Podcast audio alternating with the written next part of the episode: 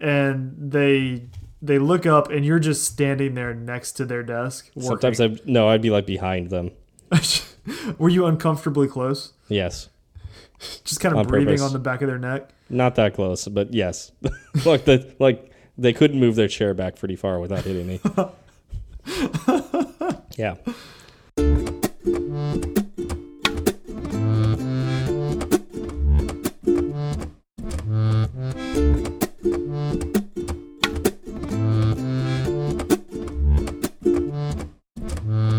What's up, y'all? I'm Zach. And I'm Steve, and this is Fireside Swift. How's it going, man? Wait, wait, where, where's the other guy? No, he's gone. He's gone. Wait, no, I've he taken- said he said he was taking your job. And yeah, we're I don't get this. like, why are you still here? I've taken care of the issue. That's all you need to know is I've taken care of the issue. Is Sean still alive at least? I'm go. I, you don't need to worry about that. I'm going to be here for a long, long time. Oh, that's that sounds very creepy. That's all you need to know. That's all you need to know. All right, so we're we're back to normal again, as you can all tell. Well, Uh, normal for us. Yeah, which is which is very normal. yeah, because we're normal people. Exactly. this is this is a normal show. Um, so it was a lot of fun last week. Um, we had Sean Allen on, and uh, we talked about uh, hiring process. Uh, res- we did we didn't talk about resumes. We talked about the interview process. We did talk about the interview process. yeah, Yep, and we- like uh, for iOS development, um, kind of development in general. Yeah, and Yeah. We, we got into what we thought worked in an interview and uh, what we thought did not work in an interview and what Yep. should be uh, what should be tested and maybe stuff that in our opinions may be better to be looked to have looked over and uh, we got a lot of feedback based on We that. did. We did. Uh, so, so I'd say mostly positive, but uh, we did get some people being like, "Hey, you're biased." Like uh, Ozma said that. yeah that's and that's totally, and that's a very valid point. Yes, it Um, is. Yeah, like we we are definitely biased. Um, I'm definitely biased. For sure. Um, yeah, for sure. Mm-hmm. well and the funny thing about being biased is you usually don't know you're biased until someone points it out right like Yeah. it's just your I, but I think I think I knew ahead of time, but I'm st- I still hold to my opinions. Um, while I will listen to other people, so and that's um, I'm- probably the I'm best for everybody I still believe I'm right. I mean, that's as long as you listen and consider, right? Sure, sure. Uh, that's that's you know, staying true to yourself is probably what matters the most. maybe, Maybe. Maybe. I do want to say Uh, that that Ozma's going through the Big Nerd Ranch books and she's uh, following the Zach method. So There you go. thank you for that. Yeah. Um, and, and she does bring some valid points too. Uh, I mean, there are definitely some positions out there that require uh, base level CS algorithm thinking, um, and so having that background could definitely give you a leg up on and in certain jobs. And certain companies value that more than others, and they need to. Um, like if you're working for Google and their uh, their search department, you better know how to optimize stuff, right? Yes, yeah, that's So- that's an important uh, skill to have for Google. Yeah, and I think we kind of left this unsaid in last episode. We're talking about like iOS dev positions making apps, not and, and so like you know making views and making the back end, but mostly you know user interaction type stuff. Right. So it was a very it was a very specific piece of the pie um, as far as like overall development jobs goes.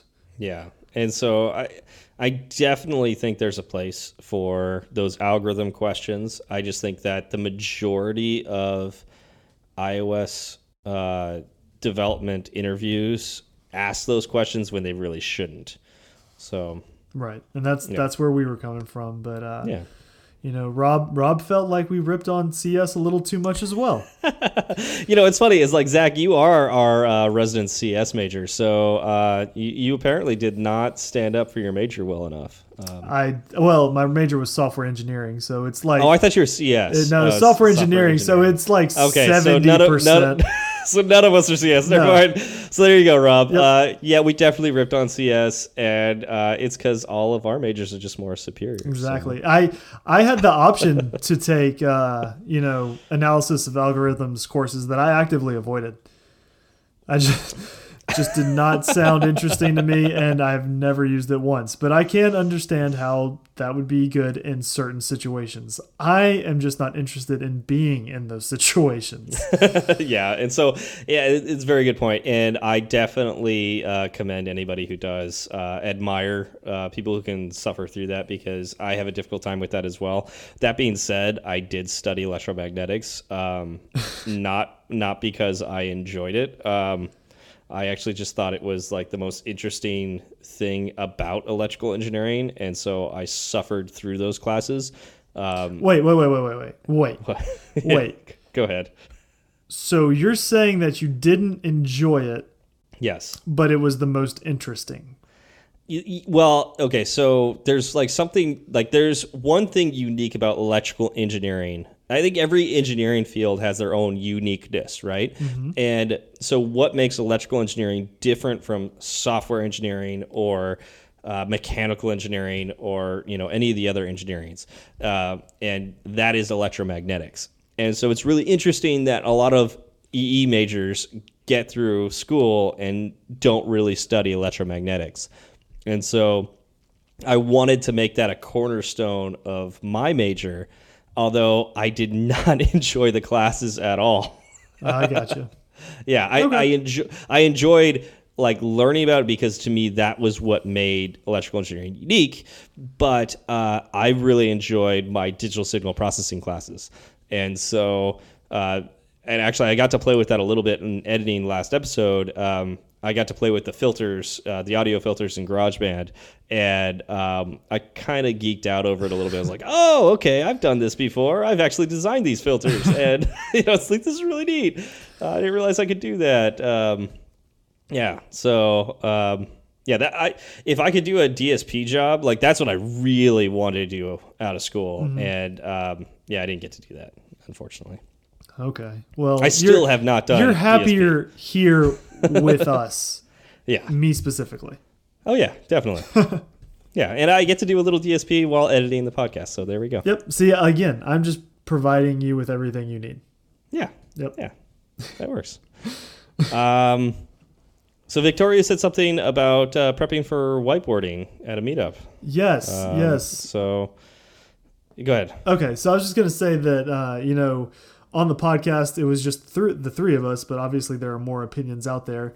The topic came up at a meetup that Victoria was at, and um, it seemed that the general consensus there was you needed to be able to write a function without using code completion of Xcode, which I think is also very, very important. And it's not something we touched on because it's not something I really thought about. But when you're sitting down and you're coding with with an uh, IDE such as Xcode, there are plenty of times when you will, you know, you'll type out half of the half of the function you need and then just hit enter as it auto completes you know the rest of the word also the arguments that it takes and whatever it returns Mm-hmm. and it just will drop you into the the body of that function So this is where I would completely and utterly disagree. really Yeah, I, is I've done some whiteboarding interviews, and none of them require you to write exact code.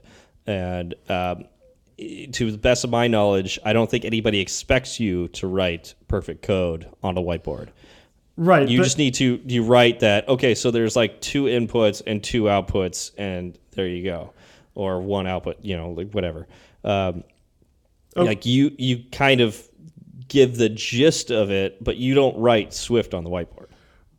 the the where I'm coming from is as someone being interviewed, if I went to go write something on the whiteboard and I couldn't remember what I wanted to write, it would distract me to the point where I would make more mistakes later on.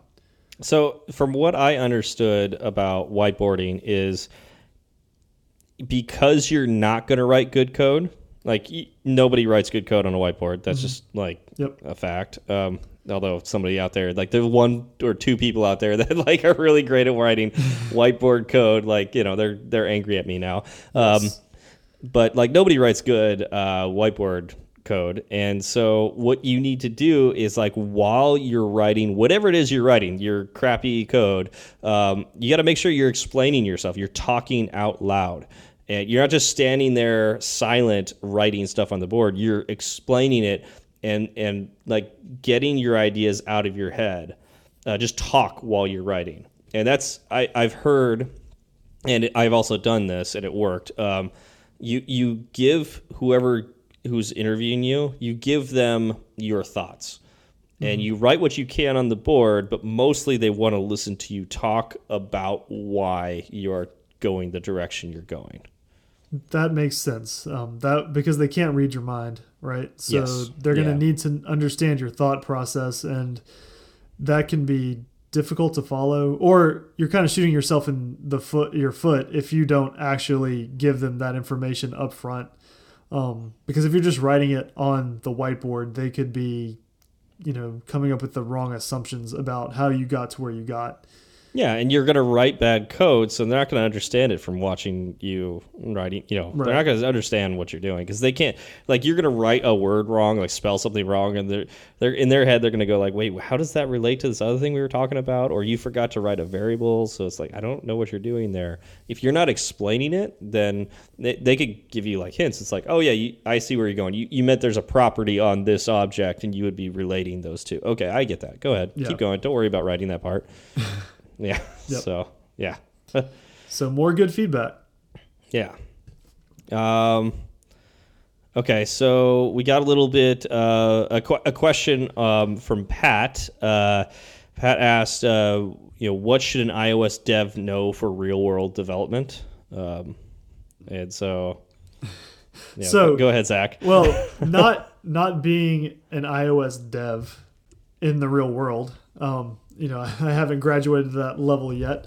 Um, I I thought you know just kind of knowing the basics you know, of MVC, um, you know how to pass data back and forth between views and view controllers. Um, you know, just really basic stuff was was my understanding. What about you? What do you think? Well, I, yeah, I mean, we got a great answer from Twitter, so I, I thought you were going to lead with that. but- Well, I, I wanted to give my thoughts first uh, because I'm completely unqualified to actually answer. At least that's how I feel. Um, actually, I should I should ha- this is episode 16. I should have 15 good yeah, things you got like to. yeah, fifteen weeks of like Right. you know good practices, Yes, right? yeah. Um, So just go back, listen to those 15 episodes, and you'll be good. It's fine. there you go, um, there you go. But yeah, no, But we did go we did it. get a you know, we did get a good answer from Terry. Um, and so uh, you know Terry said uh, he, he actually bullet pointed out several things. I well, I mean. We bullet pointed it out. Oh, no, he Uh, did. It's, Twitter. He so, did. It was Oh. three. It was three tweets long. Jeez. Yeah. Um, and, oh, by the way, I was very busy this last week with work, so that's one of the reasons I didn't respond as much to Twitter this last week. Um, so, uh, you know, he mentioned uh, multi-threading. I think that's incredibly important uh, in in iOS, iOS development. Um, although I will say that Swift, it, well, just iOS in general, uh, lets you cheat with multi-threading, and hopefully we'll get to that one of these with days, uh, one of these days with episodes, uh, because um, I've got uh, opinions on that, and I actually really like the way Android does it, even though it's harder. Um, Okay. but it, it doesn't hold your hand, and I think iOS holds your hand a little too much with uh, multi-threading Okay. to the point where you won't learn it. Um, right. And so he also mentions uh, message patterns like delegate versus notification. Um, I'd say versus target uh, target action as well. He didn't put that in there, but I would put that as well. Message patterns are very important. Um, he mentions uh, working efficiently with arrays, and he uh, kind of gives a, a hint of like filter, map, reduce. Um, I, I would disagree with this statement. I, I think this would be more of a, a senior level or very particular jobs like. If a particular company uh, used a ton of filter, map, reduce, then yes, it would be very important for you to know those. Um, but I would say, you know, junior, mid-level engineer, you could teach them that, and it's not. I, I would say that's not a requirement for most uh, development positions, at least in my my experience. Um, he also mentioned uh, protocols and how. Wow, I, spent, I said that weird. Protocols, not protocols. Uh, protocols and how they relate to delegation. Um, I think, uh, yeah, protocols are very important. We already mentioned delegates before. So, yes, of course, obviously, you need to know how protocols work with delegation. Um, I think this next bullet point is incredibly important. Uh, retain cycles, zombies, and memory leaks.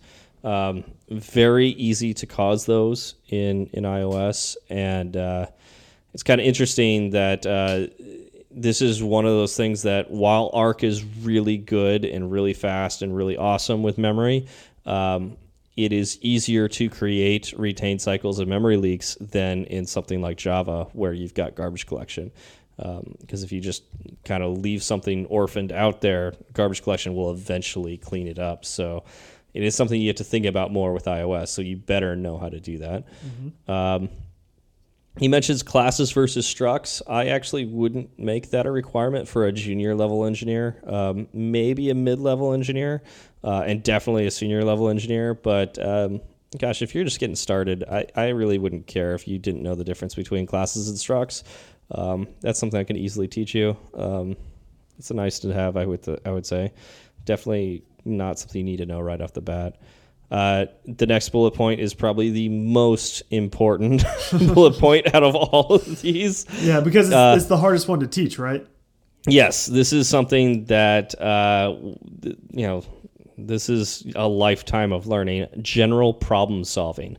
Uh, if you can't solve a problem, unfortunately, I, I, you can't be an engineer. You can't be a, mm-hmm. software developer. Mm-hmm. That's what we do every day. Yep. Um, and if you don't, here's another thing: if you don't enjoy solving problems, uh, yeah, you're you're gonna have a hard time. it's gonna be a rough career. Um, yeah, you, you might want to choose something else. Yep. Um, like we we write code. That is the job. We write code, but we write code to solve problems. Yeah, that is uh, the end end goal there. so, yeah, that's uh, that is definitely a must, and that's. Uh, this one is another reason why I prefer the uh, giving a project to somebody and uh, giving them general instructions and seeing what they do with it because it shows me they can solve a problem. And that problem may be your instructions were too vague. Give me more structure. Give me, you know, a little more info about this. Mm-hmm. Um, or I've had a family emergency and I can't deliver this uh, on the day that uh, you told me to deliver. So I'm going to communicate that and get more time. Uh, that is general problem solving. So uh, I, I think that's incredibly important, and I would want to see that every one of my engineers from junior to senior level. Mm-hmm. Um, and then the last, uh, I actually disagree with this point, um, but uh, not to kill it before I say it, even though I think I already did. Um, understand the MVC design pattern and how it relates to iOS. Be able to compare it to other patterns such as MVVM and Viper at a high level. Um, you love Viper, don't you? I love Viper. Uh, uh, yeah, we Zach and I were talking about this before the, the episode, um, and I was kind of bashing on Viper a bit. Um, it's not that that's a, a terrible thing. Um, I think uh, I think the first part of this this question or you know bullet point is great. Uh, understand the des- the MVC design pattern and how it relates to iOS because Apple has pretty much chosen MVC for most of their uh, most of their documentation and implementations of their frameworks. Um, so I would say that's incredibly important that you at least understand MVC in some form or fashion. Compare that to MVVM, eh, maybe. Um, I would say if you are mid level, if our company does MVVM and solely MVVM, yeah, I want you to have some experience with MVVM and be able to explain it to me. If you're a senior level, yes, I would want you to know MVVM and be able to explain it to me and how MVC differs from it. Um, Viper, do you have experience with Java? Are you an old Java programmer?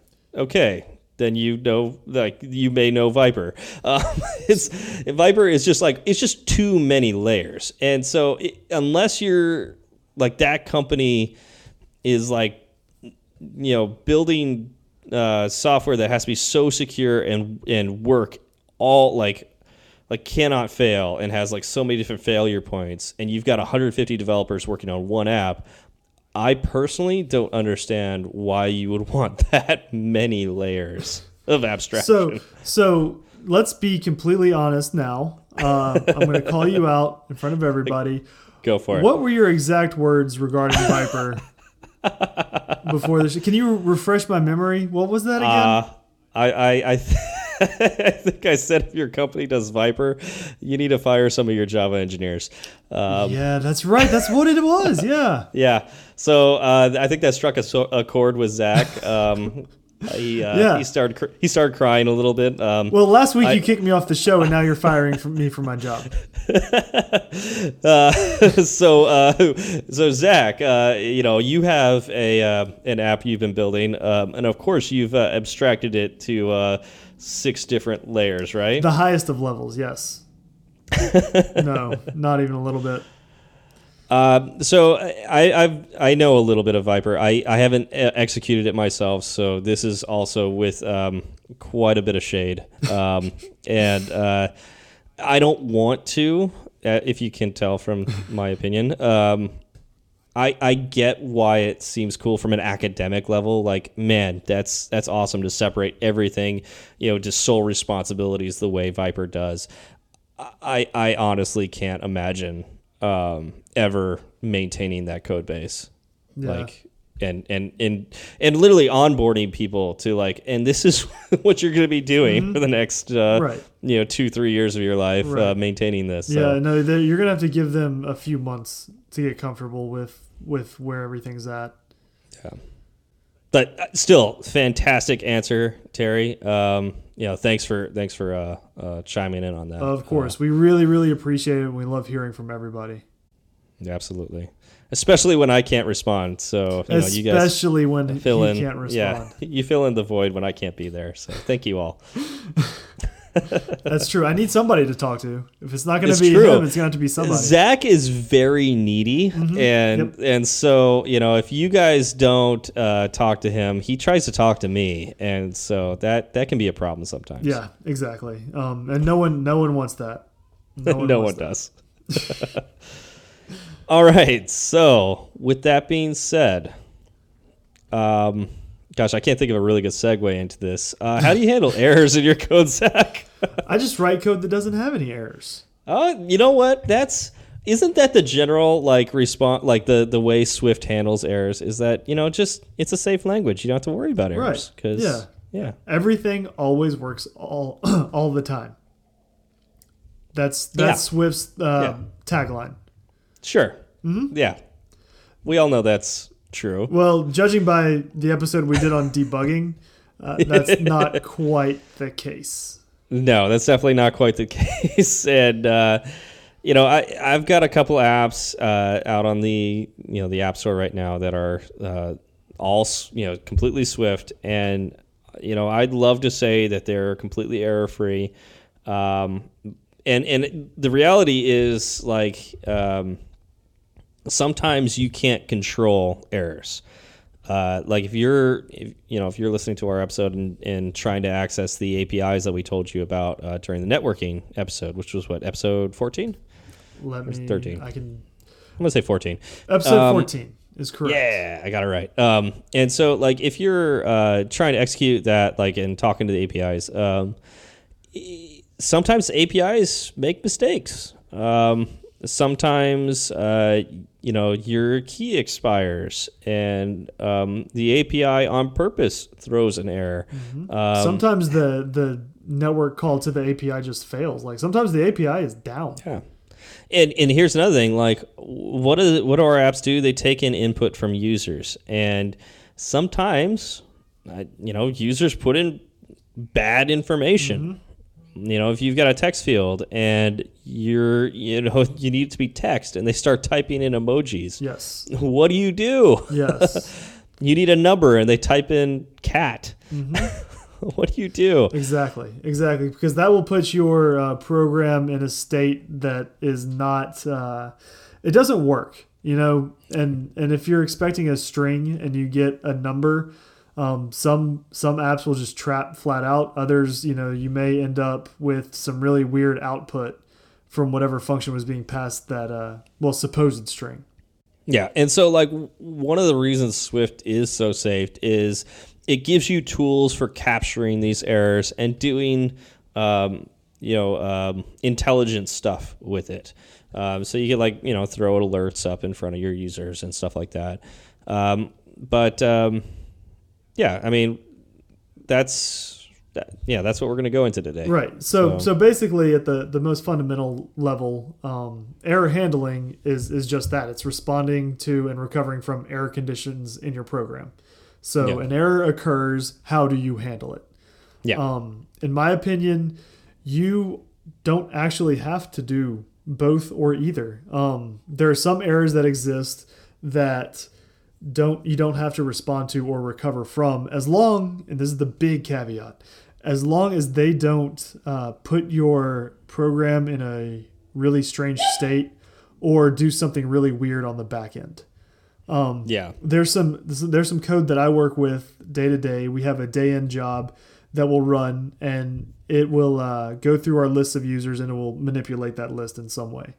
Now, sometimes, um, you know, for whatever reason, grabbing one of those users will fail, or if the user isn't set up in the database the way we expect it to be set up, that call will fail. Um, because this happens on the back end and uh, not anywhere where a user will actually see it, the only thing we do with that error is we will just write it to a log somewhere. We don't really respond or recover from it because the next night that process will run again and it'll usually pick up whatever it missed because we also uh, will throw a flag up on one of those. So you don't necessarily have to do both. When a user is involved, I would say you probably do though. Yeah. Yeah. So like, uh, I've got an app on the App Store right now that uh, will uh, basically uh, try to update the information in the app in the background like every 60 seconds. And so it'll make a, some API calls in the background. And um, sometimes those fail silently. Like, um, you know you're in a place that has bad internet connection and so it doesn't you know it takes too long for the the server to respond or or um, I don't know some some weird thing happens um, we just fail silently um, we do actually show uh, you know like a red dot in the corner to show that something went wrong or that it or maybe it's a gray dot because um, you lost internet connection um, but you know it's you know, it's it's pretty much we don't really show much of anything, um, and sometimes it literally, you know, um, it won't literally do anything because it's like we'll just try again in a minute. It's not a big deal. Right. Yeah. Yep. Um, yeah. So, uh, what are uh, some examples of uh, things that could cause an error? So, well, like you discussed earlier, um, you know, making the API network calls, but there's also, and this is one I ran into a lot when I first started Swift, is uh, optionals. Optionals oh, yeah. can yeah. cause all sorts of errors all over your well, code. Only if you don't guard or if let uh, appropriately, right? True, but as a as a beginner, they can cause errors all over your code. Oh yeah, and especially if you're following like the Apple docs, they oftentimes like explicitly unwrap optionals, and they're like, you know, they don't tell you not to do that. exactly. It's, so if you're just like copying tutorial code or whatnot, mm-hmm. uh, you might get stuck in that habit. Yep. So which is bad. So you know, mishandling optionals. That's how I'm going to define it. Uh, yeah. Locating a file. If you go to read a file that doesn't exist or is in some other uh, location on the file system, your app is going to throw an error. Um, this is one that I also ran into quite a bit of uh, is naming your segue something incorrect. So if I have uh, if I have a segue and in my storyboard I name it you know go to next view, and then uh, and then in my view controller I you know when I call that segue, um, I use you know go to you know go to view, just something else and then when I call that segue, it's not going to match up with the segue that I originally have in my storyboard, and there will be an error thrown. Yeah, another common one is like parsing JSON. Um, you know, if, if that fails, it can uh, it can throw as well. Mm-hmm. Um, but, but, like you know, actually, a lot of these um, I, I, used a keyword there. Um, a lot of these don't even uh, throw an error. Um, they will crash your app, which is a little different than what we're going to talk about today. True. Um, so, like, if you explicitly unwrap an optional and that optional is nil, um, you're going to crash the app, and there's no recovering from that. Um, if you type in the wrong segue name, you're going to crash your app. There's no recovering from that. Um, but there are certain things that you can do, like locating a file. I believe locating a file is one of them that um, will actually get an error. Or uh, you're trying to parse a JSON um, and a JSON file or whatnot, or maybe just a JSON string, and um, that doesn't. It's not. It's malformed or something like that. That can do something called throwing. And so, um, with throwing, uh, you can catch the throw. So, you know, like baseball. It makes right? sense, right? It's logical. Yeah. Yeah. Uh, so you can catch that throw, and uh, you'll catch the error that gets thrown, and uh, you can do something with it. Um, so uh, I don't know. Do you want to kind of explain that a little bit more?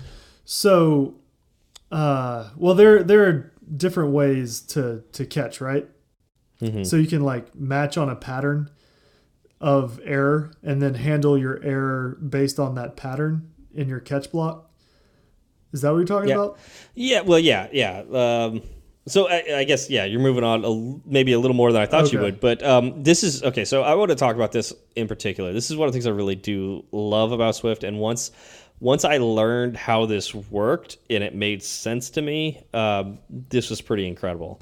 Um, so if you want to throw your own custom errors, which you pretty much have to do, like um, in in Swift, I you know you you could try to throw a normal error, but it'll give you um, like a a precompile error. It'll tell you that you can't you know put the red line underneath it, tell you can't do that. Um, you have to subclass error, and um, uh, if I remember right, error is a protocol. Correct. I think. Yes, it is. yeah, okay. It's just an, it's an empty protocol, so there's nothing Yeah. even in it. yeah. So if you try to just throw error, you're trying to throw a protocol, which is, you know, you're not allowed to do that. You have to give it some substance. Right. Um, and so just like, you know, we talked about in the classes versus structs versus enums, um, all, any one of those can uh, adhere to a protocol. But the beauty of this is you really want to use enum for your errors. And so you uh, you name your error whatever you want, and so make that contextual to whatever you're doing, and then uh, supply cases for it. So um, you know, if let's say it's a network error, and then you do a case. Um, you know, Case this is- 404. Yeah, case 404. Uh, wait, no, you can't do that. You can't start with a number, can you? I don't know. Uh, I think just spell it out. 404. there you Whoever go. said I was using numbers? I would say I wouldn't make it a 404. I would Right. give it like a real name, whatever, you know, site not found, right? Yep. Like 404, page not Yes. found. Um, so case, page not found. Um, eh, or like, you know, you could really just make it, uh, you know, terrible error. And then you could actually supply a code. Um, you could actually give an input value of a code and make that an integer. Um, anyways, uh, this it is so when you throw you say throw and then you supply that uh, case uh, or sorry the um, the the big you know the, the name that you named that error. So we we said network error. So network error dot and then whatever case it is. and uh, this is really great because when you do we talked about um, the uh, the try catching um, the do try catch i don't know if we mentioned do is part of that but do is part of that and uh, We're going to get to that a little bit later. Yeah. Uh, when you catch that error, you could run switch on this, and you could do switch error, and then put all the cases in there, and uh, actually um, catch that particular error, and and make sure you catch every single kind of, in this case, network error, or you could do a default and uh, you know just let it fall through. Um, so I basically it makes it really really easy to know what error has been thrown and um, basically react accordingly with it. Correct. Correct. And it, I and- really I really like that. Yeah, well, I mean, because uh, you get you get this custom implementation where you are handling these errors on the fly in a way uh, that you you would want to handle them, right? Like it's not Yeah. it's not a very general uh, overarching view of error handling. Like there, it's very specific to what just happened in your app. Yeah. Meaning you get to handle it better than uh, a general case. Yeah, yeah, it, and I, I know there's some errors that are rather general. Um, gosh, I'm trying to think of like you may not necessarily be able to do this. Um, like uh, if you get an error from JSON parsing, um, I don't think there's a, a switch like a cases on that that you have knowledge of. Uh-huh. But you can do like a local description, and it'll it'll basically print out. Um, uh, the you know in plain English or actually whatever language you know you have your thing set on, um, what the error is, which is kind of nice. Okay. So you can just do print and then error, and then uh, I think you could leave it as that, and I think it'll do the local description, but you might have to do dot local description. I think you're correct, but I'm not totally sure. I could be wrong. I yeah, I'm I'm bad. I only speak English, so I only think about it in English. Yep, For sure. Um, yeah. So now we've thrown the error. So now now our program knows that something is up. How do we handle the error? That becomes the the next question. Yeah, and that's I mean that's where the problem solving occurs, right? Um, and so sometimes you want to silently fail and maybe print a log. Um, maybe you want to maybe this is a big deal and you want to show an alert to the user. Maybe you want to change your UI in some form or fashion. I guess an alert would be changing the UI. Um, but uh, yeah, what what are you going to do when an error occurs? Correct. And, and when an error is thrown, a, a surrounding piece of code has to handle it. Like you can't just not do anything. Um, you can technically not do anything by you know having a piece of code that handles it that does nothing. Yeah, Um, yeah, but that's true. But once that error is thrown, or once you call a function that can throw an error, you have to uh, write code that could possibly handle that error. The compiler won't let you write write a function that'll throw an error and then ignore the error that it could throw. Yeah, yeah, and I that's some again that's something I love about Swift and Xcode is that it it does force you to think about the errors and uh, respond appropriately. Um, this is a common thing in, in like Java uh, when I'm doing Android development. Uh, it'll do the same thing. There's a, a try catch in Java. Yes. Um, what I hate is the like you really only have, if I remember right, you either okay. So you really only have two options with Java, and uh, co- you know if, if I'm wrong on this, all you Java developers out there, um, you Viper enthusiasts, right. um, t- tell me, tell me. We're lighting the Zach, you- torches. We're lighting the torches right now. you, you could be the one telling me. Um, as far as I know, there's only two ways to handle uh, errors in Java, and that's uh, the try catch, surrounding and try catch, Mm-hmm. or having the entire method that this thing is in throwing the error. Um, is that correct? Those those are the two ways I handle them. I don't know Okay. if those are the only ways, but there there may be like some weird third way to do it. I have not seen it yet though. Um, every, yeah, I would love. I would. Yeah, I would love of- to yeah. see a better way. yeah, every piece of Java code I've come across, it's either a function that throws it or you handle it uh, try, catch, and finally. Yeah, because my code looks terrible because of all of the try catching that I feel I need to do within my method because I don't want it to completely fall through to the end of the method if one of my things fails. No, I just want to go to the next thing uh, and and do that appropriately. And so I, I'm I'm really not a fan of the limited options I have in Java. In Swift, on the other hand, there are let me think in my head, uh, 4 four different ways uh, you can uh, handle this error. Yeah, and it's it's really nice to have these options um, because, like you said, there are plenty of times when you're like, okay, this may throw an error, but I don't necessarily have to handle it here. I would rather I would rather do you know finish out you know the surrounding scope of the whatever is calling this function possibly, then handle the error. Yeah. And Yeah. with Swift, you can do that by propagating the error uh, from the function in which it exists to the code that called it. So basically, the surrounding scope.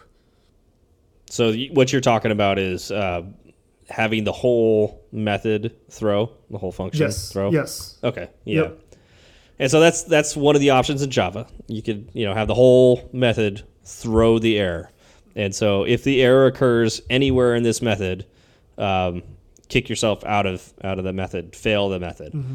Um, so that's cool. You could do that in Swift too. Yep. Uh, you could do the the do try catch Yes. block or set of blocks. um, yeah. So uh, you know, play a little baseball in Swift. You can do that. Mm-hmm. Um, and then you get to uh, my actual favorite way of handling errors. And the one- almost all time. The one that I am most confused about.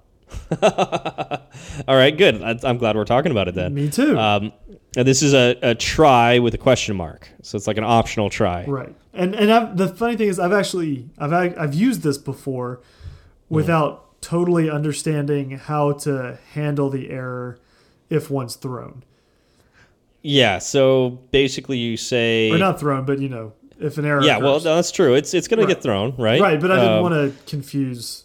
I didn't want to confuse Yeah. terminology. Is all. the error still the air still throws. Uh, the difference here is you're saying if an error gets thrown, I'm just going to ignore the error, and whatever output is coming out of this method, which is really only well, I won't say this is only works. It, it, okay, so think think about re, like we said before, you don't have to respond to an error. Um, you have to handle it, but you don't necessarily have to respond to it. And so, if um, if an error occurs in this method that I'm about to try, I want to ignore the error, and if there is an output, I'm going to make that output optional. Okay. So if I'm going to try to parse JSON, and I want a JSON object to come out of this, okay, so I'm I've got a string that I'm gonna make sure that it, or I'm gonna try to parse it as JSON. If that string is a malformed JSON, and it fails, and it's gonna throw an error, the output, which I wanted to be a JSON object, is going to be optional. So that means it's gonna. Oh, sorry. If it throws an error, it's gonna be nil. Okay. If it if it succeeds, it's gonna be a JSON object. But it's still an optional JSON object, so I still need to unwrap it. Okay. So you basically just kind of walk down the chain of events and and then handle that final object as you would any other optional. Yes. So you can guard on it. Okay. So I will do that often because you know how much I love guard. Uh, yes. Um, you look yeah, for so- excuses to use guard. Yeah, so I will guard let this JSON object equals try question mark try to parse it out, you know, whatever the parse uh, you know method is, and then else, and I'll handle the error in there. Uh, now I won't be able to handle the exact error because I won't be given the error. But I will know that it wasn't able to parse. And honestly, do I really care what like is in that error, like exactly why it didn't parse? No, because you'll know you'll know it was thrown because you weren't able to. It could it could parse. it, Right. yeah. Exactly. So you Yeah. even if you, even if you don't know the exact error, you know why it occurred. Exactly. And so, uh, I mean, if I if I did care, if I really needed that exact error and why, then I'm going to do a do try catch. Okay. Um, but in this case, um, you know, oftentimes I won't, and especially when I'm I'm moving fast and I've got, you know, my team has written the API, so like I've got control over that, uh, and I know how the API should be formed. If these things don't exist and I'm trying to get them, I don't, you know, I. I I kind of know what's going on, and so I don't I don't need to write so much boilerplate code around um, to be able to get the exact error. I just want to try it. If it fails, I'm going to you know handle it based on the fact that I didn't get the property that I really needed. Okay. Yeah, Okay, that makes sense. and then there's the uh, there's uh, the final way to. Uh, uh, yeah, this is yeah, this is the errors. best. This is the best. This is the worst. This is the best. And I'll let you. I'll, eh, since you think it's the best, you, Zach, you, you go ahead and explain it. you just you just say that you assert the error won't occur. You just tell the program, look, we're good. We're fine. I got this. Don't worry about it. We'll just move right along. And so this is the explicit try that Zach's talking about. The try with the exclamation point at the end. I feel like this is the most unsafe thing you can do. It is. I mean, it, it bar none is. I mean, I guess like if you know without a shadow of doubt that this method will not throw the error, or I'm okay with this throwing an error because I want the app to crash as soon as this line gets run, um, then you would use this method. How long have you been programming for? Uh, like like period or Yeah, just like- period. Like well, twelve years or something. Okay, 12 years. You have 12 years experience. Yeah. Right. Would you having having all that experience, would you ever feel comfortable telling writing code and saying that there's no chance an error will occur at this point? no. Yeah. But you know, but on the other hand, like uh think about the uh like when you uh do the IB outlets um you know from storyboard. Like think about those properties. Those properties are explicitly unwrapped. Uh, Apple does that with their generated code, and we almost always leave them that way. So it's like we're trusting Apple to not screw up. yes, I have infinitely more faith in Apple than I do myself. Uh, yeah. Um, but there's there's actually sometimes a good point in doing this because um, let's say you you know there's a re- in the realm of possibilities this thing could fail, right? Right. But if it doesn't fail, um, or sorry, if it does fail, then now your app will be in a state that you cannot recover from, or like it's going to misbehave if this line gets run and this doesn't work. You know what I'm saying? Yes. Like you've probably done something worse further down the line, and so the app will continue to function the way you intend it to. Maybe you do want the app to crash right then and there.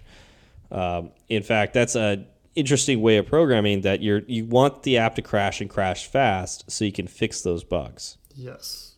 Yes. Fail fast, fix fast. Yeah, Yep. That's it's a philosophy. Yep. Yeah, so that's uh maybe you do that like and then you don't have to worry about uh, optionals. You don't have to worry about unwrapping. Um, you know, you don't have to worry about you know try catching uh, or you know catching the error or anything like that. Um, you won't get the error. and if you if there is an error, it will crash. Would that would that be printed out in like Crashlytics? Would you be able to read it there? Uh, uh, I mean, it'll definitely be in Crashlytics. Um, it'll tell you the line. I don't know if it'll actually report the error. I don't think it will. Okay.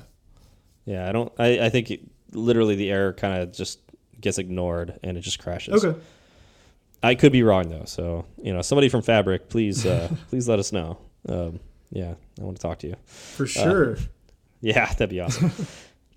um, another interesting thing is if you use the optional try, it is possible to get the famous double optional out of this. oh man, double optional. What's it mean?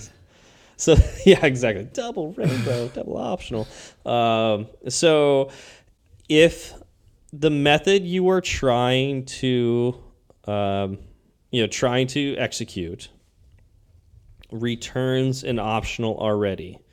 So if um, I actually think I think the JSON parsing does this. I could be wrong though. Uh, like the JSON serialize methods.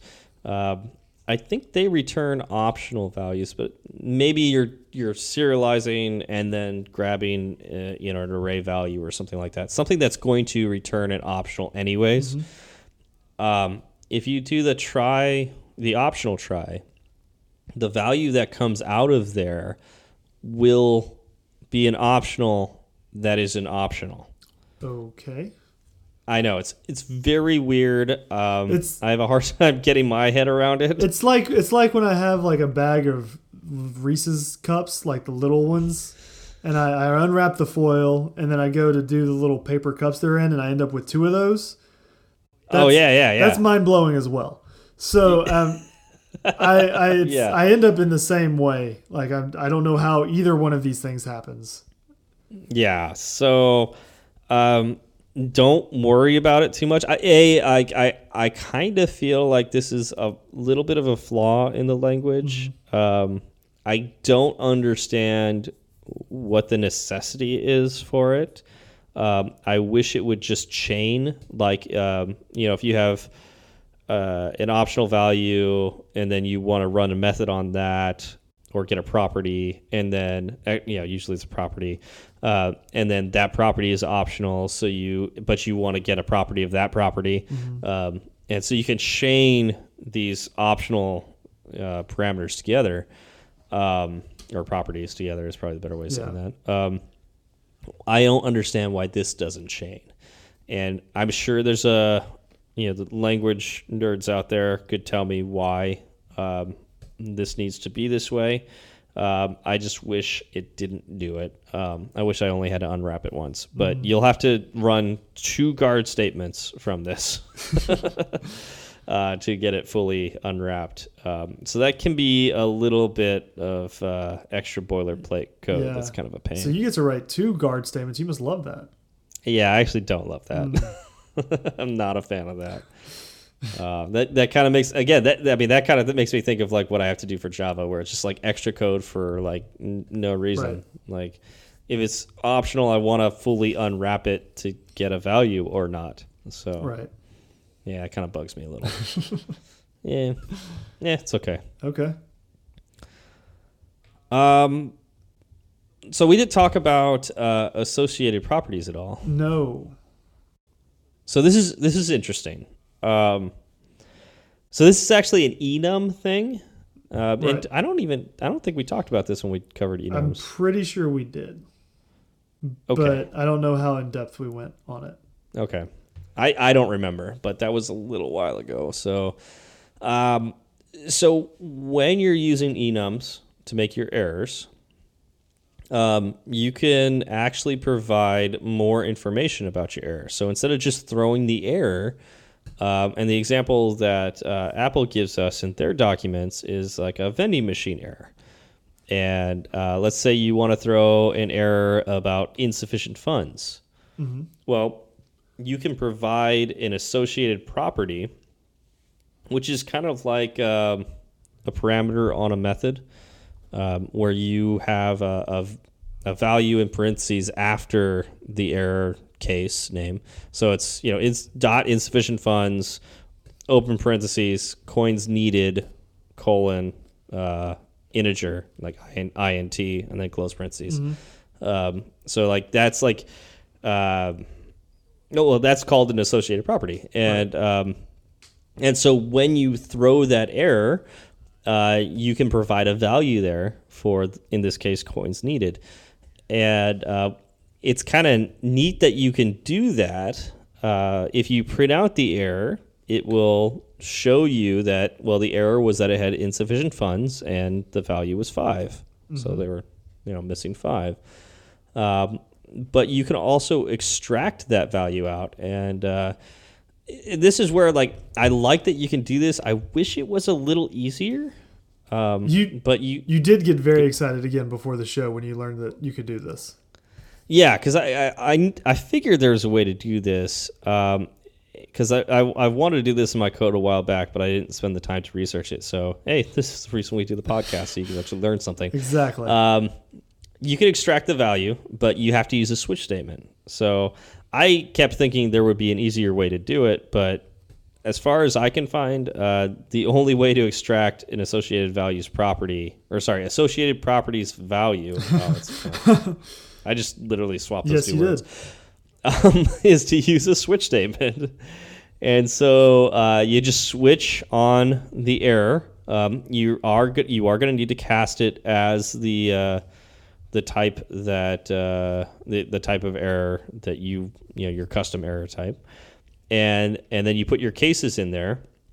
But uh, and then there's two ways to write this. Um, you can either do uh, in this case uh, dot insufficient funds and then open parenthesis let and then name your associated property, so you're not going to get back coins needed unless you name it coins needed, Okay. which you probably would do, right? Yes.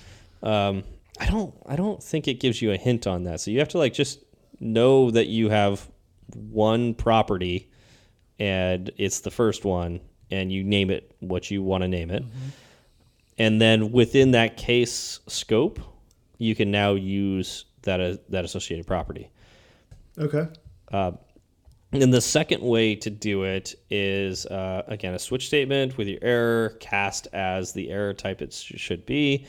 Um, then you want to uh, do a case, and then instead of just immediately typing, uh, you know, dot insufficient funds, you're going to say let space dot insufficient funds, and then in the parentheses you just name your your associated property. So in this case, um, you know, coins needed, or whatever you want to name it, and then you could use that value. So if you've got a bunch of them, that might be a little more efficient. Um, I actually, if uh, I, yeah. I actually like the second way better. Just yeah, you write case let, and then you're you write everything else the way you normally would. Yeah, so it, it's up to you. I I think in some ways I like the first one better because I I see let on the name and and uh, the name of the the variable, and so I know exactly that that's I can use that. Whereas the let in front is not as obvious to me. Hmm. Interesting. But yeah, so that's why they provide two different ways. Exactly. Exactly. Yeah. Very nice. Yeah. Uh, let's see. What else do we got? Well, we've kind of we've touched on a little bit of everything, but we haven't really, you know, gone too deep on any one thing. Okay. Well, that's. I mean, that's this is Fireside Swift. That's kind of what we do here, right? Exactly. Plus, plus it leaves each of these, uh, you know, like the do catch. Um, we can go into that in greater detail later on in an Ooh, episode. ooh. Something that's important to know in uh, do try catch um, that's not immediately apparent um, is when you do a do try catch in your catch scope. So, like the block of code that you have in the squiggly brackets um, after catch, there is an implicit error. Yes. So, uh, and it's named error. Yes. Which is really kind of convenient. It is convenient, um, but uh, you have to know it's there. Otherwise, uh, you're not going to know what you're doing. um, you can rename it. Um, I don't remember how to do that. I don't though. remember the syntax either because I always just use error as it stands. Yeah, I, I want to say um, it's just like let. Uh, you know what? I'm not even. I'm not even gonna try. Um, No, I'm no live coding tonight. I, I was tr- I was thinking about it, but I, I I'd have to actually look it up probably. um, and you'll you'll see it in a lot of um, like tutorial codes and whatnot. And uh, I, I've seen I've seen junior developers get a little confused with that and think that you you must rename the error, otherwise you haven't done the do, do try catch block correctly. And and that's wrong. Like you can you could just use the error that's there, Right. the implicit error. Because that I don't think that exists in Java. I think you have to You have to you have to it. call it, you know, exception whatever. Yeah, not only do you need to name it, you have to name every single one. Um, Well, you can You you, to- can just do a general one. can you? Yeah, I'm pretty sure you can. I thought you had to put extra catches for every single possible error. Uh, And of course, you, you can't like, I mean, you could put a null pointer uh, exception there, but like that one's always possible. I don't, and nothing has blown up on me yet. Okay. All right. Well, learn something new every day. Yeah. Or I've just been Uh, doing it incorrectly all this time. I don't know. I don't know. Hopefully, just- the compiler would catch me before I did that. yeah. Uh, I think, but I think you can just do a general one and, and handle everything there. okay. All right. hmm, Maybe I'll try that. Mhm. Yeah. I'll be interested to see what you get. Uh, probably an error. Works for me. All right. All right. So uh, I think that's all we're going to cover for errors today. Yeah, that's. I think that's a good place to stop. Cool. because uh, we- right. again, we could talk for hours about this stuff. Oh, yeah. So- Yeah, yeah, yeah. Always. So, uh, Zach, do we have any shout outs? I have a really, really cool shout out to uh, South Hills Code on Twitter. Um, so it's a it's a high school class. I'm not sure of the details. I would love to learn more about this. Uh, they just released an app to the App Store that's under review. Um, they shouted uh, Fireside That's awesome. Swift and uh, Sean from last episode and uh, Swift Coders, Garric's podcast, out in the tweet saying that they just released it. And um, I'm amazing. Nice. Or I'm, I'm, I'm amazing. Uh, You are I am amazing. And it's about time you understood this. No, I found it amazing that they they found us inspirational. Um, that I would love to also know more about this app and you know when can I download it? What does it do? Can I see it on GitHub? Like I, I really want to learn everything about it now. Yeah, yeah, absolutely.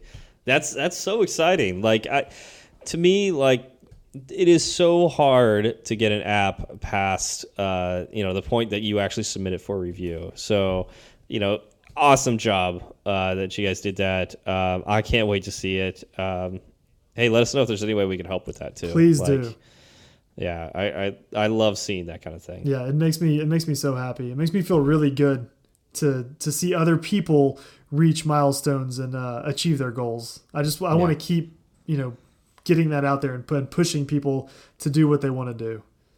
Yeah, I mean that's that's really why we're doing this. I mean, we say it's for the reviews, but Well, um, I mean it's kind of also for the reviews. So don't no, like at, at the end of the day, like we want people to produce code better. Like you know, if we can do anything to help you do that, um, or you know, if we have done anything to help you do that, uh, that's that's really we want to hear about it. That's why we do this. Um, and I think that's why we love the reviews so much because uh, you're telling us that uh, it's helping you, and uh, yeah, we love that. Yep. And then another way I see it is I never know. Like I could end up working with somebody who is listening to this podcast right now. Oh yeah, And yeah. that will only serve to make my life easier if, you know, someone listens to this podcast and, you know, is really really into it and they put in the extra work and learn a little bit more and do write better code, right? Yeah. So yeah. um it, it Well, hopefully it's better code. Oh, I mean, no, sometimes we, get, we make a, we, we we make some uh, errors every so often ourselves. So well, that's true, but then again, that's how you learn. yeah, So, um, you know, it, it makes me happy to think that we're actually we're actually kind of having an impact on people. I love that. Um, yeah, that I personally love that And a lot. I am still shocked that anyone listens to this. Yeah, I know it's it, it is a little bit of a, a crazy thing, but yeah, And we appreciate each and every single one of you. yes we do, yes we do, and um, you know, eh, I, I guess this is the perfect time to plug this. Um, you know, if if you do find us helpful in any way, and you want more people to hear about that, uh, one of the absolute best ways uh, you can help us is uh, by getting on the Apple Podcast app and writing a review for us. Um, in particular, uh, I'm going to ask this. You know, this is going to sound terrible, but like, I, please a five star review because uh, there are people out there that won't listen to you know podcasts that have four stars. Um, so if you think we're worth four stars, just talk to us and let's see if we can figure out what we can do to do better. Um, but uh, you know, if you think that w- more people should hear us, give us five stars. Uh, it helps, and if even better, if you could write a review. Um, we love reading those. Yes.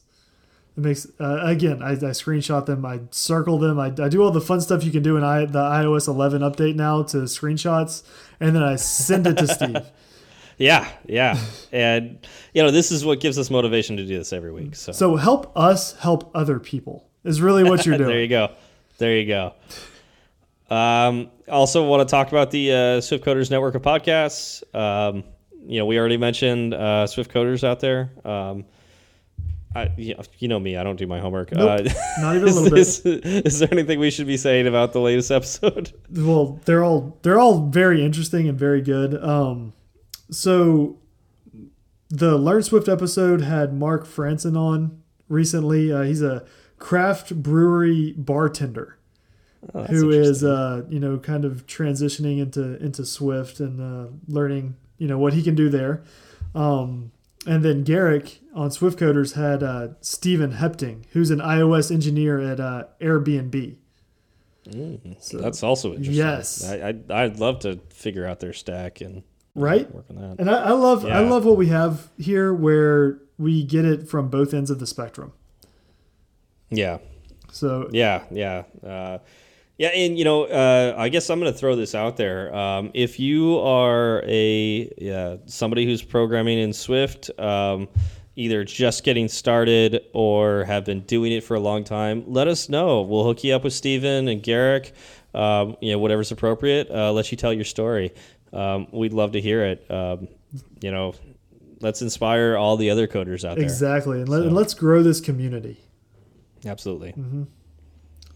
Uh, so Zach, how do we get in contact with I you? I am at zfalgout1 on Twitter. That is at zf as in Frank A L G O U T and the number one. How about you? I'm glad you got that right on You the know, first try. I it was going through the back of my head. I was like, "Don't mess it up! Don't mess it up! Don't mess it up! Don't mess it up! Don't mess it up!" And I was able to kind of get it through smoothly, so I'm, I'm happy with that. Let's see if I can do it. Uh, I am at SW Berard on Twitter, and that's uh, B as in boy, E R A R D as in dog. Nailed it. And, uh, y- yeah, you can also reach us at our uh, our show Twitter, and that's at fireside underscore swift. Yep. And if you wanted to send an email, that's firesideswift at gmail.com. We have so many ways to. So many oh, I, uh, I, again, I'm bad at Twitter. I'm like, I, I'm actually like Uh, legit. You're so much better than I am. legitly bad at No. Twitter. I realized recently, like, you have to, there's a setting in it to open up your direct messages for, you know, people who aren't following you. So now Oh, did you not have that I enabled? did, I don't think I did. So you can also just send, that's the thing. Like, this is, I make mistakes. It's what I do. Well, I I guess that was be only for like people not following you. Yeah. they wouldn't be right. able to. Right. Okay, So, so- now it's open to everybody. But you should really follow Cool. us because we have some fun stuff on there. Yeah, yeah. All right. Well, thanks for coming by, and uh, we'll see you next week. have a happy Thanksgiving, y'all. Gobble gobble. Gobble gobble.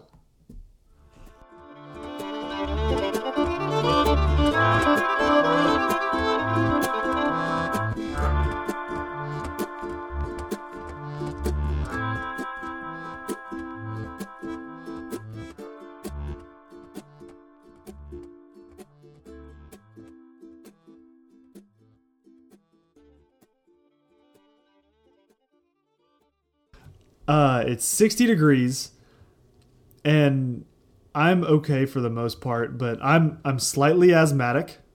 You know Uh, what's funny is so this morning was a little cool, and so I was working out, and uh, you know, part of the workout we had to do some running, and I am the exact same way.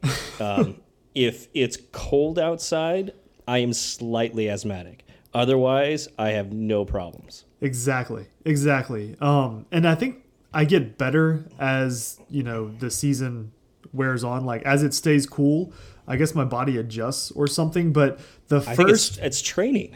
yeah, You it's tra- probably you it. train your asthma away. exactly. Well, That's how it I- works, right? uh, well, If you I'm can't gonna- breathe, you're just you just haven't trained hard enough. I'm going to get to that in a minute. Uh, but yeah, no, today it was just a bunch of like hacking and coughing and spitting. So that was fantastic. Lovely. I, uh, so when I was younger, like fourth or fifth grade, um, I, I would always cough, especially in the morning. Like we didn't know what it was.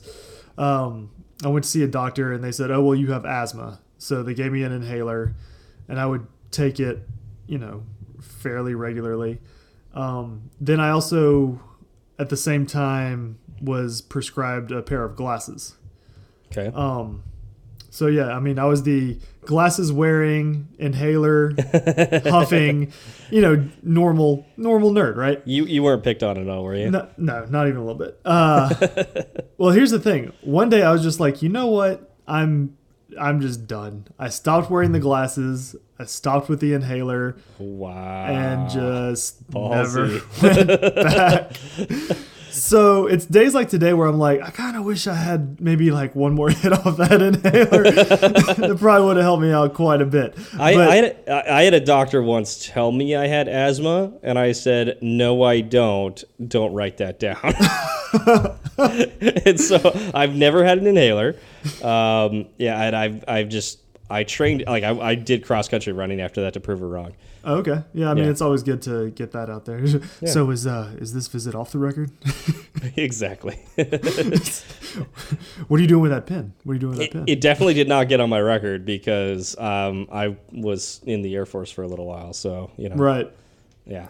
and I don't know if I actually have it. I feel like if I, I actually had asthma, something would have come up since then. More than it just being a little hard to breathe when it's cool out. Yeah, so I, I think that there's obviously different levels of asthma for sure. Um, like some people have it a lot worse than others, and um, like I, I, several people in my family have had asthma, and I mean, sad story. I think my grand, if it was it my, it was my grand. Oh, it was my uncle. It was my my potential uncle, but as an infant, he died of asthma. Oh, really? Yeah. Yikes. So like asthma can be really bad, but it also probably exists in some people that, you know, but it just doesn't affect their lives in the same way. Right.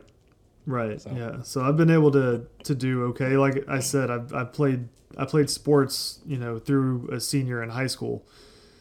Uh, so it never affected me to the point where that stuff was out of the question. Yeah.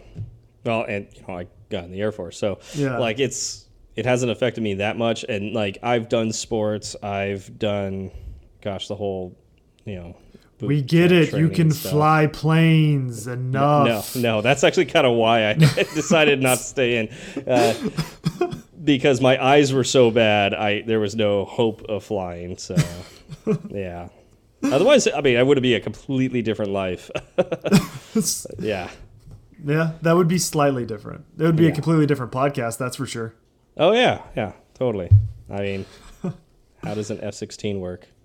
That's that's what it would be about. I mean, that's just two episodes, though. I mean, I've heard they're fairly straightforward.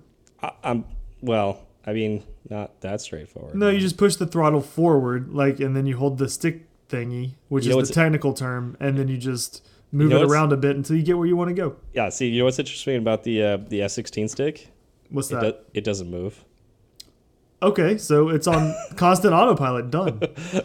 Not quite. it's like um, it's pressure sensitive, and so like whatever force you put on the stick, the jet responds to it, but it like doesn't move.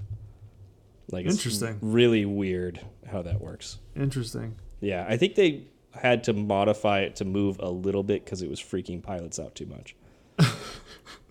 I can understand that, especially if it's if you're an older pilot and you get into an F-16 for the first Yeah. time and you're like, "What is happening? This is against Yeah. everything that I've learned."